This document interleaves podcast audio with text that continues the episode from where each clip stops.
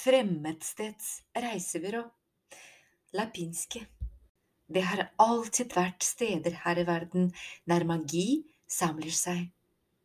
Om du bare ser godt nok etter, får du øye på den. Det kan være du legger merke til en eldgammel hestevogn ute på en moderne motorvei, eller et brosteinsbelagt smug som folk går inn i, men aldri kommer ut av. Av og til kan du se magi i mennesker. De ser gjerne ut som om de nettopp kom ut av et gammelt fotografi. Eller du er på kafé en dag og legger merke til en væske som tilsynelatende svever i løse luften.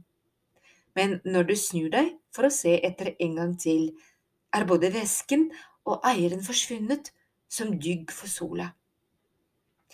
Det kan også hende at du får øye på magi i butikker. Butikkene med mest magi gjør aldri noe stort nummer av seg, og det er derfor fort gjort å overse dem der de ligger inneklemt mellom elegante klesbutikker og luksuriøse utstillingsvinduer. Vinduene er gjerne flekkede av skitt og støv, og noen ganger er butikkskiltene så nedslitt at de mest av alt ligner på spøkelsesbokstaver som forsøker å klamre seg fast. Magi vil nemlig ikke bli oppdaget, og folk flest vil helst late som om de ikke fins. Fremmedstedets reisebyrå var på mange måter alt et slikt magisk butikklokale skulle være. Blyvinduene var skitne og fulle av sprekker. Malingen flasset av ytterdøra, og det så ikke ut til at noen pleide å åpne den. Men det var én ting som nektet å falle. Men det var én ting som nektet å falme. Skiltet over utstillingsvinduet. De gylne bokstavene med svarte skygger sto i sterk kontrast til den rubinrøde bakgrunnen og lyste mot alle som gikk forbi. På hver side av navnet var det to globuser. Reisebyrået var uten tvil både gammeldags og lett å overse. Men alle som gikk forbi det, la merke til skiltet. Fremmedsteders reisebyrå. I løpet av de nesten 150 årene som hadde gått fra reisebyrået åpnet og fram til den sommeren da alt ble snytt på hodet, var det aldri noe som endret seg. Bare globussene fikk et nytt strøk maling hver gang landegrensene ble flyttet på. Tiden var så absolutt moden for forandring, og en dag dukket det opp en ny kunde i fremmedsteds som skulle komme til å redde reisebyrået. Og så mye annet.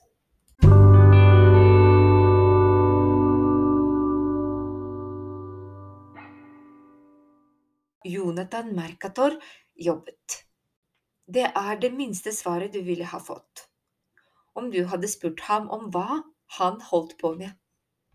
I virkeligheten satt han bare der, med beinet høyt på skrivebordet, lente seg tilbake i kontorstolen og leste. Flere loggbøker lå oppslått ved siden av skoene hans. Lyden av flere klokker som tikket i utakt, fordi hver klokke fulgte sin egen rytme, fulgte det ellers så stille reisebyrået. Jonathan la ikke merke til dem.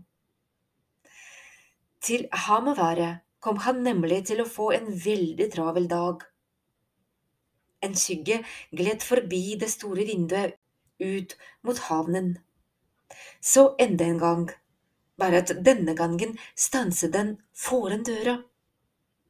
Et øyeblikk senere gikk døra opp. Den skrapte mot det oppsvulmete tregulvet, og en liten gutt kom inn. Det var ikke bare neset han rynket på da han så seg rundt i reisebyrået.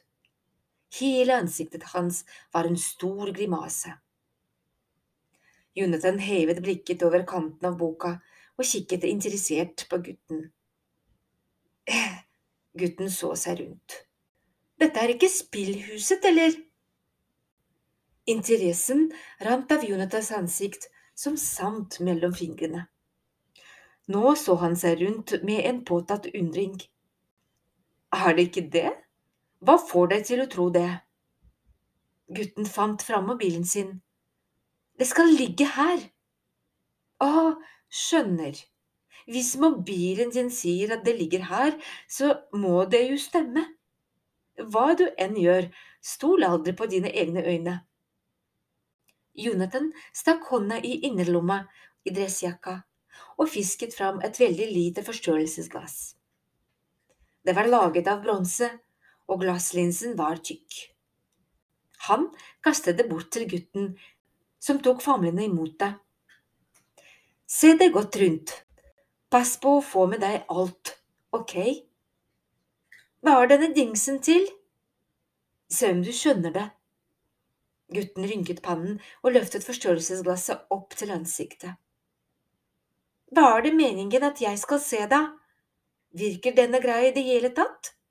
Alt er tåkete.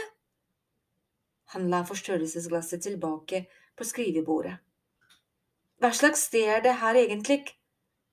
Den høye stemmen hans ble slukt av rommet og fikk en hul klang.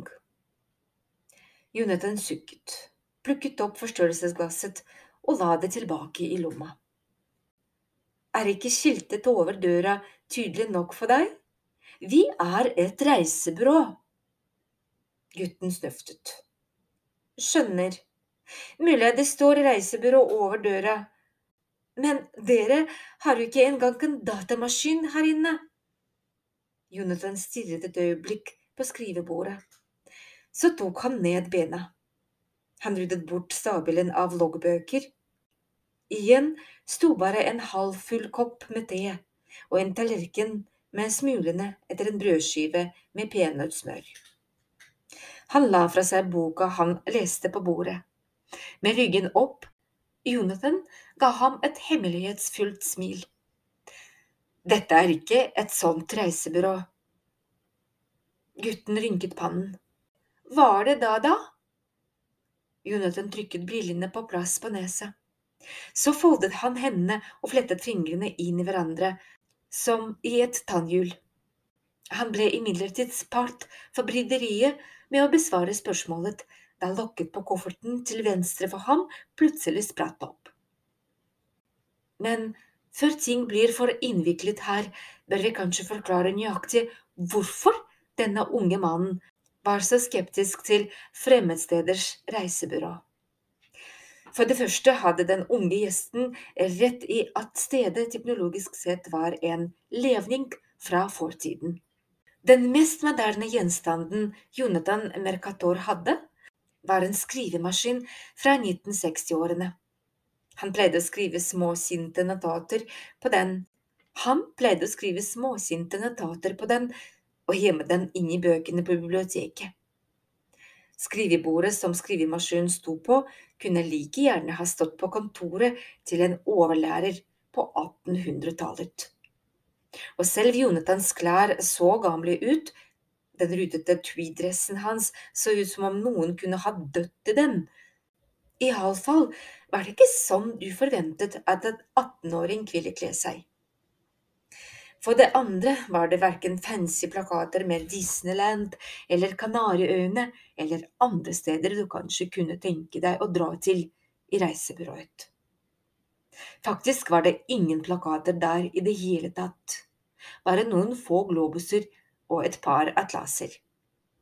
Og noe som lignet på en globus, bare at den var mer pæreformet enn rundt. Og for det tredje var det koffertene. En hel vegg i reisebyrået var full av dem, plassert på rekke og rad i tre hyller som gikk fra gulv til tak langs veggene. Hver koffert hadde sin egen nisje i hyllene, og alle så bare ut til å vente på å bli hentet ned. Mellom to lenestoler sto noen kofferter oppå hverandre som et slags bord. Enda flere sto pent og pyntelig stablet opp helt innerst i rommet, og to kofferter lente seg inntil skrivebordet. I hyllene befant det seg minst 50 kofferter, ingen av dem var like.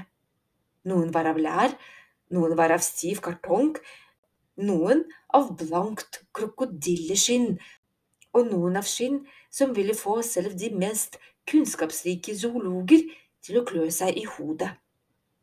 Det var kofferter fulle av stempler, andre med malingsleker og minst et titalls kofferter med merkelapper i papir festet med tråd til håndtakene. Fremmedstedets reisebyrå lignet mer på et hittegodskontor eller på en antikvitetsbutikk som hadde spesialisert seg på gamle bagasje, enn på et reisebyrå. Så det var ikke så rart at gutten var mistenksom, selv før kofferten spratt opp. Lyden av kofferten som åpnet seg, fikk Jonathan til å snurre rundt på kontorstolen sin. Den var laget av treverk og skinn og stønnet under ham i forfjamselsen. Koffertlokket fløy opp, og en bølge av vann skvalpet ut av den. Hva er det som skjer? gispet gutten og rygget bakover for å ikke bli våt. Noen få sekunder senere klatret en mann ut av kofferten, som gjennom en kjellerlem. Han var søkvåt og hostet. Et sammenslått teleskop hang fra beltet hans. Han skyndte seg å stikke hånda ned i kofferten igjen, og dro til en kvinne kom halvt krabende halvt snublende ut og landet på alle fire. Kjolen hennes, som hadde flere lag, dryppet ned på gulvplankene. Hun hadde tre kikkerter hengende rundt halsen og tykt, sort hår som var flettet sammen med små strimer av sløyfebånd og blonder. Og en knallrød tentakkel som så veldig slimete ut, hadde surret seg rundt den høyre ankelen hennes.